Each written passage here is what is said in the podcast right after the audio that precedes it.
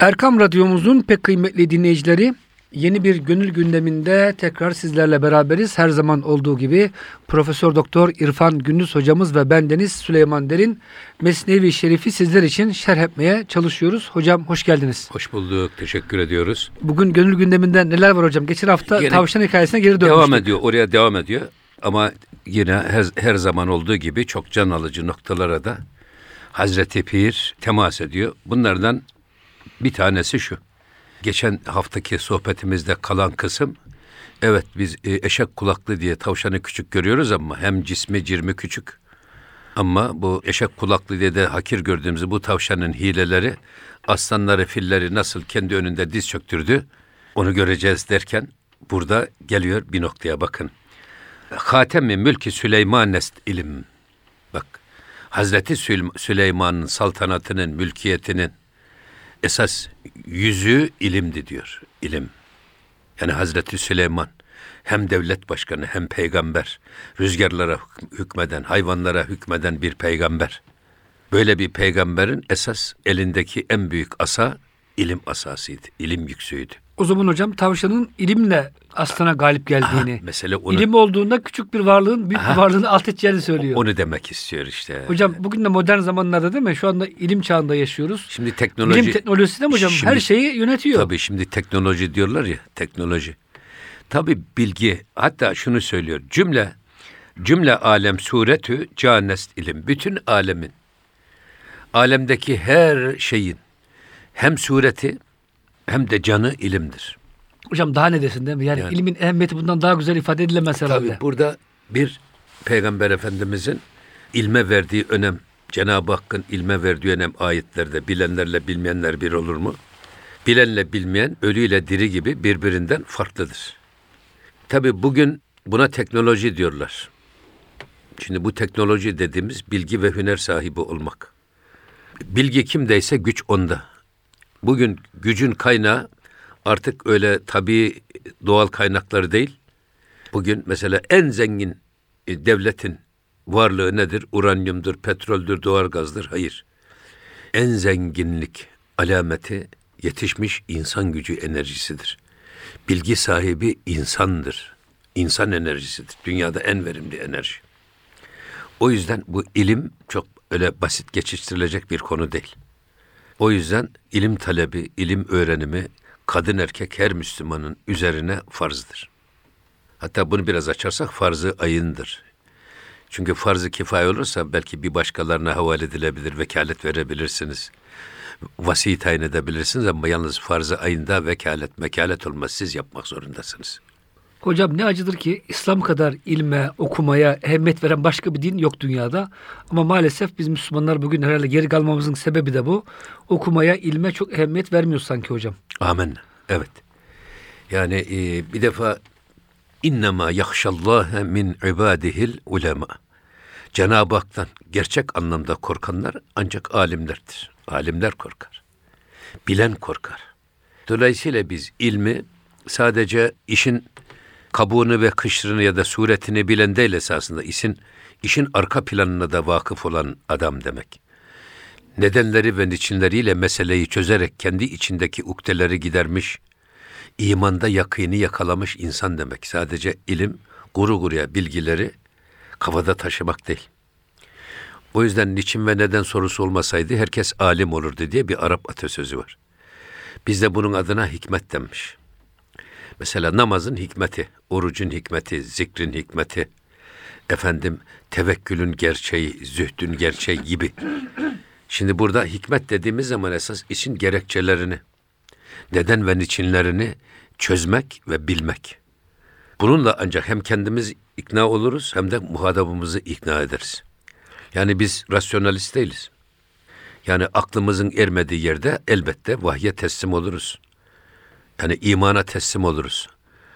Ama biz akıl sahibi insanların akıllarındaki soru işaretlerini gidererek, onların itikat ve imanlarını takviye etmek, onları ibadete teşvikte ve gönül olarak taata yöneltmede biz burada neden ve niçinleri ön plana çıkarak bunları anlatarak herkesi ikna eden bir üslubu yakalamak zorundayız.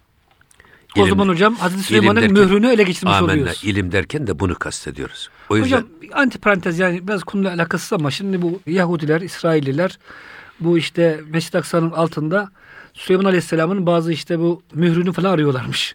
Buna gerek yok hocam değil mi? Esas işte onun mührü ilimdir. Tabii canım yani siz damgayı bulsanız ne yazar yani, Yani. kaşayı yakalasanız ne yazar? Asıl olan esas, esas o mühr, o ilmi yakalamak. İlmi bileni yakalamak, bilmeyi, bilgiyi yakalamak. Hatta bugün teknoloji dünyayı köy kadar küçültmüş. Ve dünün alimiyle bugünün alimi de bana göre değişti artık. Dünün alimi hafızı kütüp kafasında bir sürü bilgileri lüzumlu lüzumsuz kafasında taşıyan adam idi. O bilgileri hini hacette bir soru sorulduğunda, lazım olduğunda kullanmak üzere beyninde taşıyor. O adama çok alim, allame denirdi. Fakat şimdi erişim diye bir şey çıktı. Erişim. Erişim ne? İstediğimiz doğruyu nerede bulacağımızı biliyorsak eğer, muhtaç olduğumuz doğruya ulaşmanın yolunu ve usulünü biliyorsak eğer, o adam çağın en büyük alimidir. Artık öyle e, her bilgiyi kafamızda taşıyarak ona hamallık yapmaya gerek yok. Ama tabii ilmin en yücesi ne derseniz esas ilim ilim bilmektir. İlim kendin bilmek. İlim kendin bilmektir. Sen kendini bilmedin hanice okumaktır. Kara bir cehalet oluyor hocam Evet. yani. Allah'ı tanımadan, kendini tanımadan elde edilen Tabii. bilgi de bir işe yaramıyor. Evet. Buyurun hocam. Şimdi yine devam ediyor. Ademira zihin hüner biçare geçt. Halkı dercahavu halkı kuhu deşt. İşte Hazreti Adem'e bu hünerinden dolayı. Ne o hangi hüner o? İlim hünerinden dolayı. Gerek denizlerin, gerek dağların, gerekse çöllerin bütün hayvanları ona naçar teslim oldu. Burada Cenab-ı Hak meleklere nidaen diyor ki ey meleklerim bak kendime yeryüzünde benim adıma ahkam kesecek. Benim adıma hükmümü icra edecek. Benim gözüm, kulağım, elim, ayağım olacak bir halife yaratacağım. Halife dediğimiz bu. Allah'ın emir ve yasaklarını yeryüzünde uygulayacak bir nesil yaratacağım. Bir cins yaratacağım. Melekler buna niye karşı çıkıyorlar? Diyorlar ki ya Rabbi sen yeryüzünde kan dökecek ve yeryüzünde bozgunculuk meydana getirecek, huzuru kaçıracak bir cins mi yaratacaksın? Onun üzerine diyor ki ben sizin bilmediklerinizi bilirim. Sonra ve alleme Adem'el esma'e külleha. Bütün şeyleri, isimleri, dilleri Cenab-ı Hak Hazreti Adem'e öğretti. Şimdi buradaki esas sonra melekler Hazreti Adem'in bu yeteneğini, ondaki bu ilim yeteneğini görünce Hepsi teslim ona oldu. hürmeten ona teslim oldular. İlimine teslim oldular. İlmine teslim oldular. Bu hünerden dolayı. Ama bu ilim hangi ilim? Ledünni ilim. İlmi lahuti. Allah'ın Hazreti Adem'e öğrettiği ilim. O ilmin yüceliği ve bu ilmin Hazreti Adem'e kazandırdığı yetenek doğrultusunda melekler itirazlarını geri çektiler. Ve Hazreti Adem'e hürmet gösterdiler, ittiba ettiler. Ta ki bir Azazil hariç. Bak İsrail, İsrafil, Cebrail derken Azazil bu büyük meleklerden bir tanesi de şeytandı. Azazil idi adı. Bu kibrinden dolayı ben mi diyor bu adama secde edeceğim? Topraktan çamurdan yaratılmış. O tamur, ben ateşten. ben ateşten yaratıldım. Ben ondan üstünüm. Niye ben ona diyor saygı göstereceğim? Ve bu kibrinden dolayı, bu kininden dolayı Azazil dünya cennetten kovuluyor ve iblis olarak kovuluyor. İblis. Hocam burada çok güzel bir şey dikkatimi çekti. Diyor ki denizlerin ve karaların hayvanları insan karşısında ilimden dolayı çaresiz kaldılar. Bugün hocam insanoğlu hakikaten denizdeki balinaları, en büyük varlıkları dahi avlıyor. Hatta hocam bunların bir kısmının soyu tükenmeye başladı. Çaresiz kalıyorlar insan karşısında. Tabii tabii. En vahşi, en güçlü filler, hayvanlar neyse Ya o niceler, o dinozorlar, o dragonlar nerelere gittiler? yumruk kadar akıl hocam her Ya. şeyi alt etti Allah'ın verdiği ilim. Tam işin bak sözün başına geçersek bak öyle biz eşek kulaklı diye hor ve hakir gördüğümüz o cirmi ve cismi küçük tavşan var ya. Bak ufacık beyniyle nasıl o kocaman hayvanları alt etti göreceğiz onu anlatacağız. Eyvallah diyor. hocam. Buyurun. Buradaki sırda nedir? Şeytanın bilgisi. Bilginin önemi. Bir de bilgi yetmez. Bir de bilginin uygulanması. Hayata geçirilmesi bak. Tavşan bir kurgu Eyvallah hocam. yapıyor kafasında. O kurguyla nasıl aslanları hizaya getirecek hep beraber Eyvallah hocam. Göreceğiz. Ama tabii insanoğlu şimdi Cenab-ı Hak insanoğlunda e, yarısını hayvani duygularla yarısını da meleki hasletlerle donatmış. Şimdi bu biz eğer ilmimizi hayvani duygularımız istikametinde kullanırsak canavarlardan daha adi ve tehlikeli hale geliriz.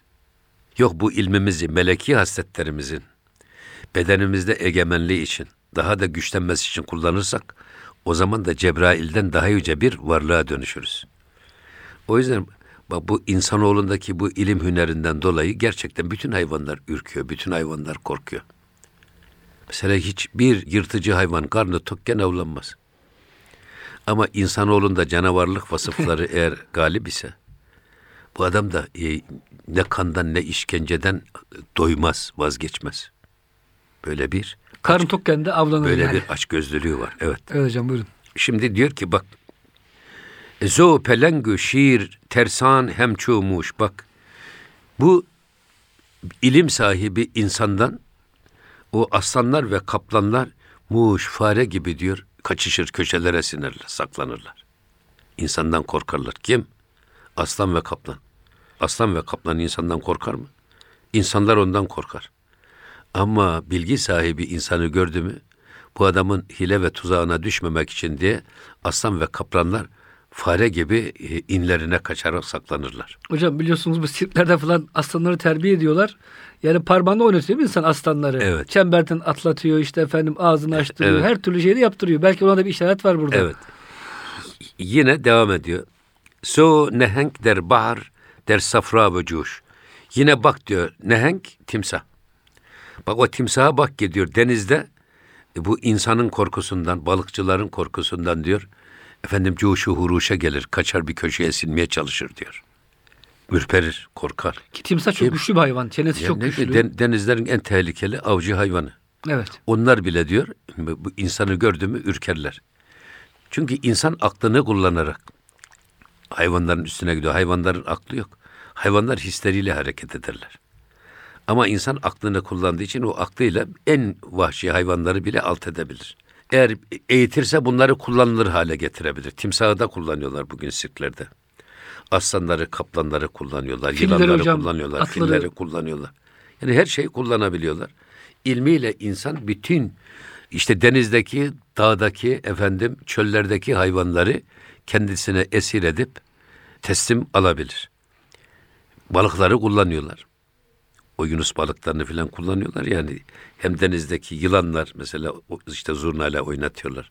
Çöldeki hayvanlar, develer hepsini oynatabiliyorlar. Bu insanoğlunun şeysi. Şimdi zo bakın bak zo yine şuna bak. Peri ve div sahilha girift. Yine insanın şerrinden gerek periler gerekse şeytanlar sahillere kaçtılar. Sahillere kendilerini mesken tuttular. Herceki der cayi pinhan ca girift. Ve her biri kendisine sahillerde insandan saklanacağı gizli bir yer hazırlayarak orada saklandılar. Orada kendileri gizlemeye çalıştılar. Çünkü hocam insan cinden de güçlü. Cini de yani bilmeyerek belki okuduğu işte dualarla öldürebiliyor herhalde. O yüzden mi kaçıyor hocam? Tabii can tabii yani, yani bu işte de- demin söylediğimiz şey var ya Hazreti Mevlana diyor ki eğer bir insan kendi gönül nilinde eğer Firavun'u boğar da Musa'yı diriltirse yani şeytani hasletleri, nefsani duygularını hapsedip de ruhani duygularını efendim meleki hasletlerini iktidar yaparsa o adam Cebrail'den daha yüce bir varlıktır. Yok bunun tam tersi gönül nilinde insanlar Musa'yı boğar da Firavun'u diriltirse, şeytani ve hayvani duygularını diriltirse o adam canavarlardan da daha adi ve tehlikeli bir varlığa dönüşür. Böyle insandan aslanlar da kaçar, kaplanlar da efendim kedi gören fare gibi saklanmaya çalışırlar. Timsahlar köşeye çekilir, ürperirler balıkçıların şerrinden. Hatta diyor şeytanlar ve e, periler bile diyor insanın şerrinden kaçar. Ama bilen insanın şerrinden kaçar. Gafil insanın değil. Gafil insanı avlayıverirler bunlar. Bilen insan. Gafil de hocam onların oyuncağı oluyor herhalde. Dalga Evet, geçiyorlar. Tabii. evet. E, Burada yani şeytanlar ve periler nasıl insandan kaçar? O çok ayrı bir konu. Onu yeri geldi mi inşallah anlatırız. Bu yani cinler meselesi bazıları kabul ediyor, bazıları inkar ediyorlar filan ya. Halbuki Kur'an-ı Kerim'de Cenab-ı Hak müstakil bir cin suresi var. Sonra Peygamber Efendimizin bu konuda pek çok hadis-i şerifleri var. Onları yeri geldi mi işte bu cindarlık nedir, sihir nedir, sihirbazlık nedir? Onları yeri geldikçe anlatırız inşallah. Buyurun hocam. Ademira e, düşmanı pinhan besist. Bu yüzden diyor Adem diğer bütün mahlukatlardan farklı bir ilme sahip olduğu için bu ilminden dolayı da Adem'in çok düşmanları var diyor. Gizli düşmanları var. Hasetçisi vardır.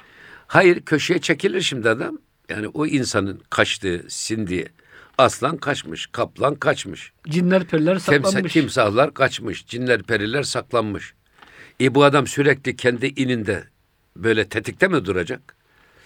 Onlar da o insanın bir boş anını yakalayarak ondan kurtulmak isterler. Onun için yani gizli, vahşi hayvanlar siz dalgınca tabii saldırır. Hmm. Gizli düşmanları çoktur diyor. Güzel. Ha bunu kıskananları var işte melekler bile kıskanmış demek ki. Ya da meleklere kıskanma duygusu söylenir mi söylenmez mi? O ayrı çünkü ahir cennette kıskançlık diye bir şey yok. Kıskanmaz herhalde hocam Meleklerde anlayamamışlar hiç yok. insanı. Orada yok, anlamışlar. Nasıl anlamışlar? Cenab-ı Hak daha henüz yaratmadan soruyor. O yüzden Cenab-ı Hakk'ın nasıl bir varlık yaratacağını bilmedikleri için. Sonra yarattıktan sonra Hazreti Adem'in suretini değil manasını gördükleri için ondaki peygamberliği hissettikleri için ona hürmetten saygı gösteriyorlar. Ama diyorlar iblis Hazreti Adem'i şeklen görüp de siretine e, muttali olamadığı için onun yüceliğini inkar etti ve bu yüzden de cennetten dünyaya kovuldu, tard edildi. Ve ne diyor? Ademi ibahazer akıl kesist. Bak kendisini her türlü tehlikelerden sakınan adam akıllı insandır esas. Bu gizli tehlikelerden de korunacaksın. Gizli düşmanlardan korunacaksın bak. Ne olursa olsun rakibin karıncaysa onu merdane bil. Evet işte bu hayvanlar bizden kaçıyor, buradan bizden korkuyorlar ama yalnız bir fırsatını yakalayıp da bizim boş bir anımızda da bizi yok etmeyi de İsterler. isterler. İşte aynı şeytan da şey tavşan öyle yapmadı mı? Aynen. Yani her gün arslana diyorlar ki biz sana bir arkadaşımızı kurban getirelim. Sen avlanma. Hepimiz korkacağımıza Bir kişi. her gün bir kişiyi verelim. Ama sıra tavşana geldi mi tavşan işte cirmi ve cismi küçük ama hilesi büyük. Aklı büyük diyelim Ha, hocam. tavşan diyor ki ya biz hep böyle diyor her gün böyle birimizi kurban edeceğiz de bana bir fırsat verin ben bu diyor. Kökten halledeyim bu Ya, aslanı diyor yoldan çıkarayım ve hepimiz birden kurtulalım. Onun için bir de şey var. Canyanla eşek attan Hızlı koşar. ileri gider derler. Hızlı koşar. Yani bir de can yakmayacaksın can. Can yakarsan bir gün yakılan canlar seni de yakar. Yani e, zaten e, dervişliği tarif ederken ne diyorlar? Bir incitmemek, iki incinmemek. Çok önemli bir şey. İncitmeyeceksin, hiç kimseyi incitmeyeceksin. Bu yılan da olsa, akrep de olsa, mahlukat da olsa incitmeyeceksin. Aynı zamanda bir de incinmeyeceksin. Kardeşlerin, dostların ezasına sabredeceksin. Komşunun ezasına sabredeceksin. Bir de o da incinmemekte. Belki incitmemekten daha zor herhalde incinmemek. Öyle hocam. Kalbe Hangi- hakim olmak zor. Hangisi daha zor? İncinmemek daha zor. Kalbe söz geçmez çünkü. Evet. Hocam isterseniz bir şey yapın. Ee, Burada bir kısa ara verelim. Var mı hocam söyleyeceğiniz başka bir şey? Çünkü bu tehlikeler dedik. Hakikaten günümüzde de yani Evet. hocam Müslümana çok tehlike. Tamam, Müslümana çok düşmanları var. Belki Amenna, tabii, bu tabii. manada hocam bir şey de düşünebiliriz. Yani Ya en, en gizli düşmanımız esasında biz hep dışarıda arıyoruz. Burada Mevlana'nın verdiği bu aslan, kaplan, timsah, peri, efendim, dev, şeytan neyse. Vallahi en büyük düşman içimizdeki düşman. Biz bu düşmanın farkında onu da varmıyoruz. unutmayalım diyorsunuz Bizi hocam. içten vuran düşman. Bak gizli düşmanlıkta bu da var. Bizi içten vuran düşman. Çoğu zaman insanlar kendi içine dönüp bakmadığı için bu düşmanın farkında değil. Hep başkalarının yanlışıyla uğraşırken ya da dışarıdaki düşmanlarla uğraşırken biz içimizdeki düşman büyüyerek ejderha haline geliyor. Hani yılanın başını küçükken ezeceksin. Ezemezsen büyür büyür sonra ejderhaya dönüşür seni de kuşatır ve yok eder. Ama çoğu zaman dıştaki düşmanlarla meşgul olurken kendi içimizdekini unuttuğumuz için içimizdeki düşman büyüyor. En büyük şey bizi işten vurmak. Eyvallah hocam. O zaman işten düşmana da dikkatli Bu da, olalım bu da bu diyoruz. işte bu da gizli bir düşman. Eyvallah hocam çok teşekkür ediyoruz. Ağzınıza dilinize sağlık. Halka pinhan zişti şanu habuşan mizenet berdil beherdem kubişan. Bak diyor Cenabı Hakk'ın gizli yaratıkları var. Bunlar kimisi bize iyi duygular telkin etmeye çalışır, kimisi de kötü duygular telkin etmeye çalışır. Yani burada kalbe gelen şimdi eğer bir davranışın bizdeki tezahürünü geriye doğru gittiğimiz zaman önde içimizde bir niyet belirliyor. Ya şunu söyle diyor. Ya da şunu yap diyor değil mi? Onu, onu diyen merkez. Şimdi önce bu kalbe bunu söylüyor. Kalbimiz bunu e, etkilendi miydi? Kalp de tutuyor, akla emir veriyor. Akıl da denileni yapıyor ve davranışa dönüşüyor. İşte o kalbe bu ilk düşünceyi, ilk niyeti ilham eden şey. Allah'ın diyor böyle gizli yaratıkları vardır onlar. Ki bunlar kim onlar? Meleklerdir. Şeytanlardır. Bunlar diyor insana ne yaparlar? Mizenet berdil beherdem kubişan. Her an insanın gönlüne bunlar kendi düşüncelerini zerk etmeye çalışırlar. Sözlerini geçirmeye çalışırlar. Düşmanlığın değişik bir metodu hocam. Amin. Aklımıza kötü şeyler düşürüp, lüzumsuz işler düşürüp bizi meşgul Hem, etmek. Hmm. hem orası var hem de esas ellezî halakal mevte vel hayate liyebluvekum eyyukum ahsenu amela. İmtihan sırrı bir de. Tabi ölümü de hayatı da yaratan Allah niçin yaratmış? Hangimiz daha güzel amel işleyeceğiz diye bizi sınamak için. Şimdi burada da insanın kalbine şeytandan da gelir etki.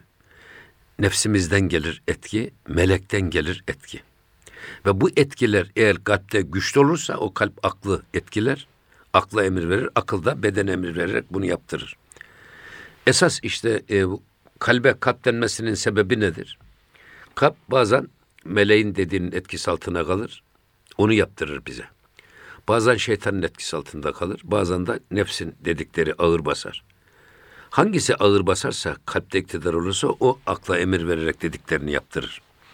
İşte bizim burada bu gönlümüzdeki bizi etkileyen, bizi yönlendiren o ilk hareketi sağlayan şeye dikkat etmemiz lazım.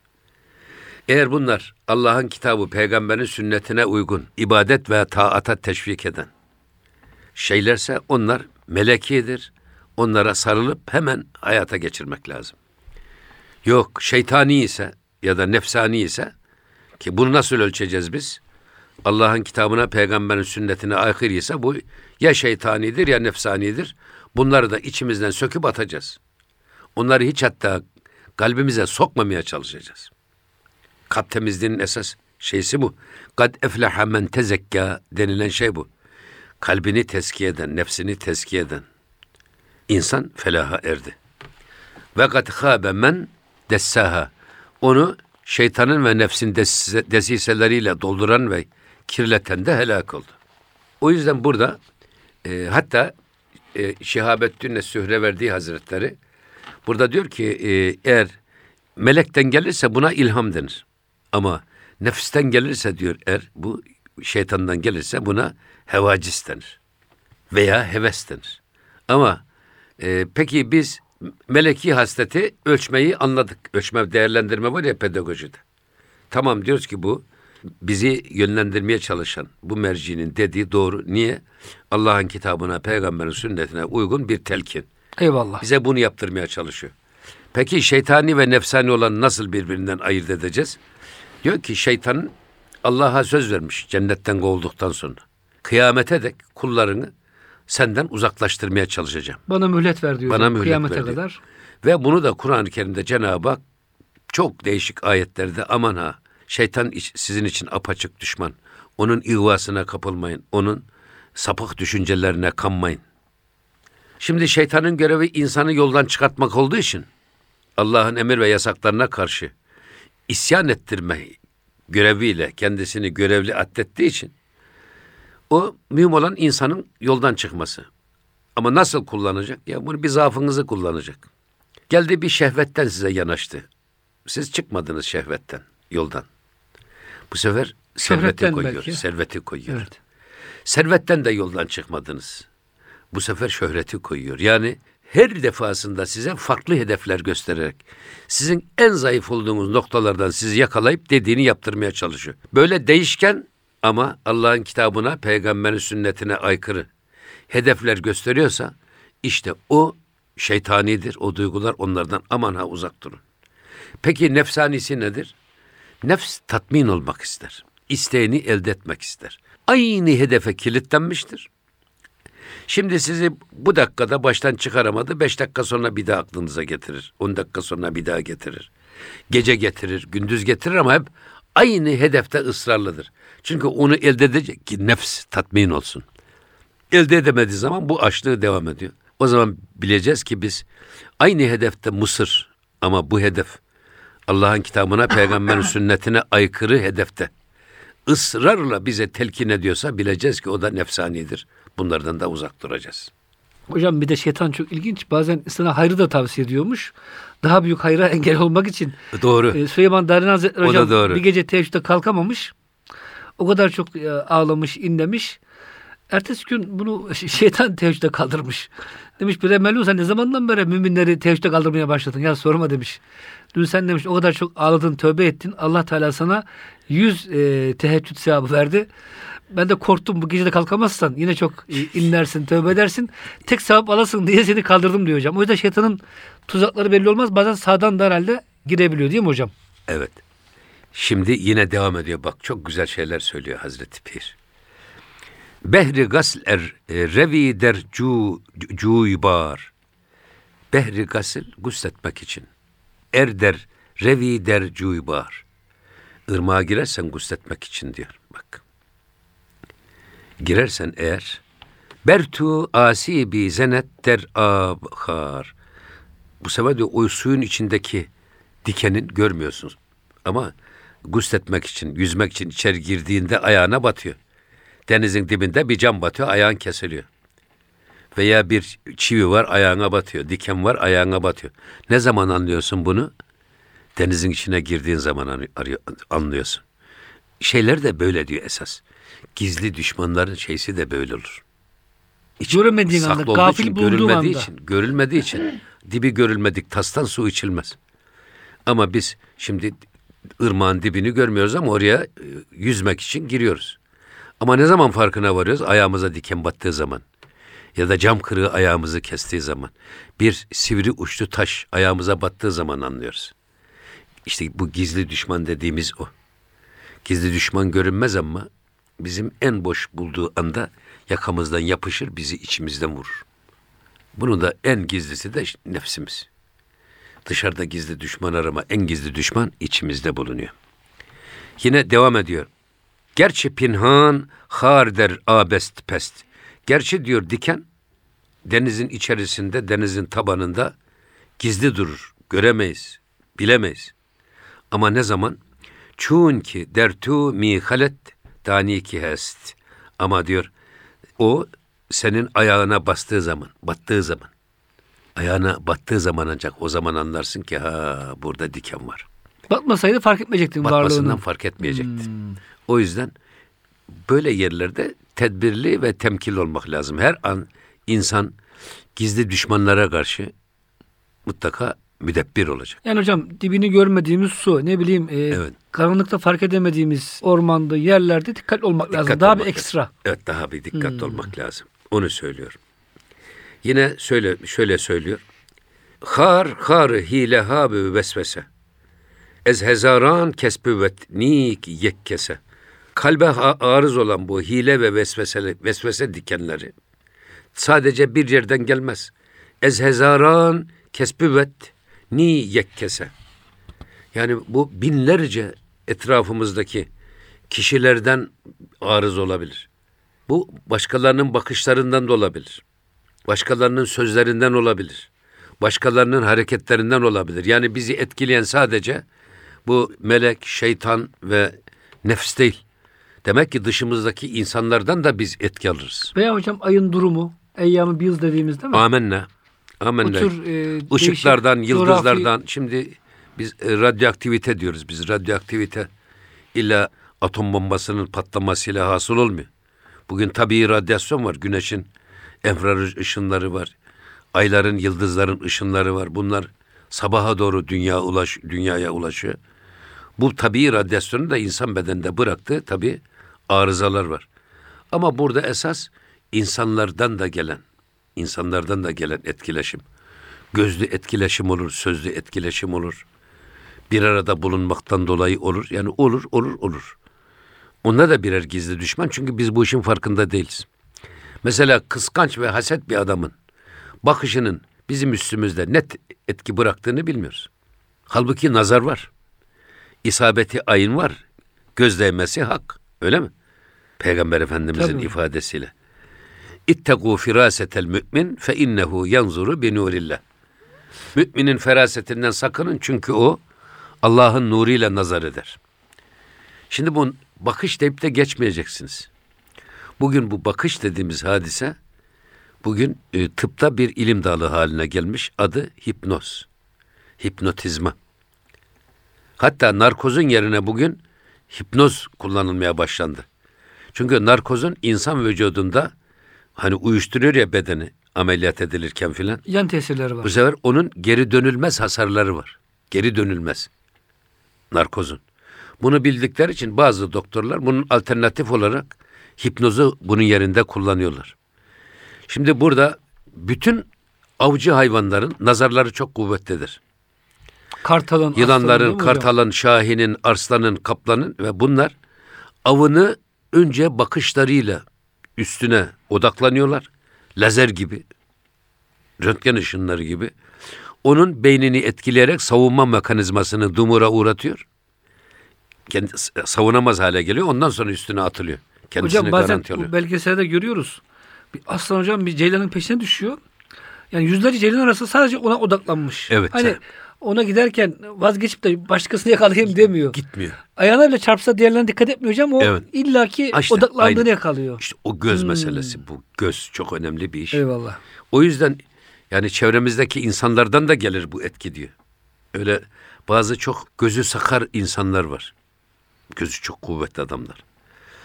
Böyle baktı mıydı ineği öldürür, eşeği öldürür. Hatta insanları çatlatır. Efendim demiri kaşığı eğiyor adam. Şimdi bugün Avrupa'da gittikçe uzak doğuda çok yaygın bu. İnsanların gözündeki bu gücü yani hayvanı çatlatacak, eşeği öldürecek kadar güçlü bu bir şey var. Gözde bir güç. O adamların gözündeki bu gücü insan bedenindeki mikropları öldürmeye kodlayalım. Oraya yoğunlaşsın. Tabii radyasyon var bugün siz. e, Tabii radyoaktif. Ne diyorlar? Kemoterapi yapıyorsunuz. Eyvallah. Bu kemoterapi kanserli hücreyi öldürüyor vücutta. Ama onun etrafında da binlerce sağlıklı dokuyu da öldürüyor. Ama bu tabii radyo, radyoterapi ya da tabii kemoterapi diyelim. Adamın gözündeki bu güçte sadece hastalıklı mikroplara odaklanıyor, onları öldürüyor ve kesinlikle sağlıklı dokuya en ufak bir zarar vermiyor. Bugün alternatif tıpta gözün bu gücü kullanılmaya çalışılıyor insandaki bu yetenek. Hocam bunu Gazze'nin Mahmut'la alakalı bir şey anlatılır. Hindistan'a fetih için geldiğinde tabi orada hocam böyle yoga yapan yogiler çok karizmatik. Yani hocamları İmam Rabbani nefis güçleri gelişmiş diyor yani. Tabii canım. Nazarları, bakışları çok Evet, keskin. evet, evet. Bir türlü hocam e, fetih gerçekleşmiyor.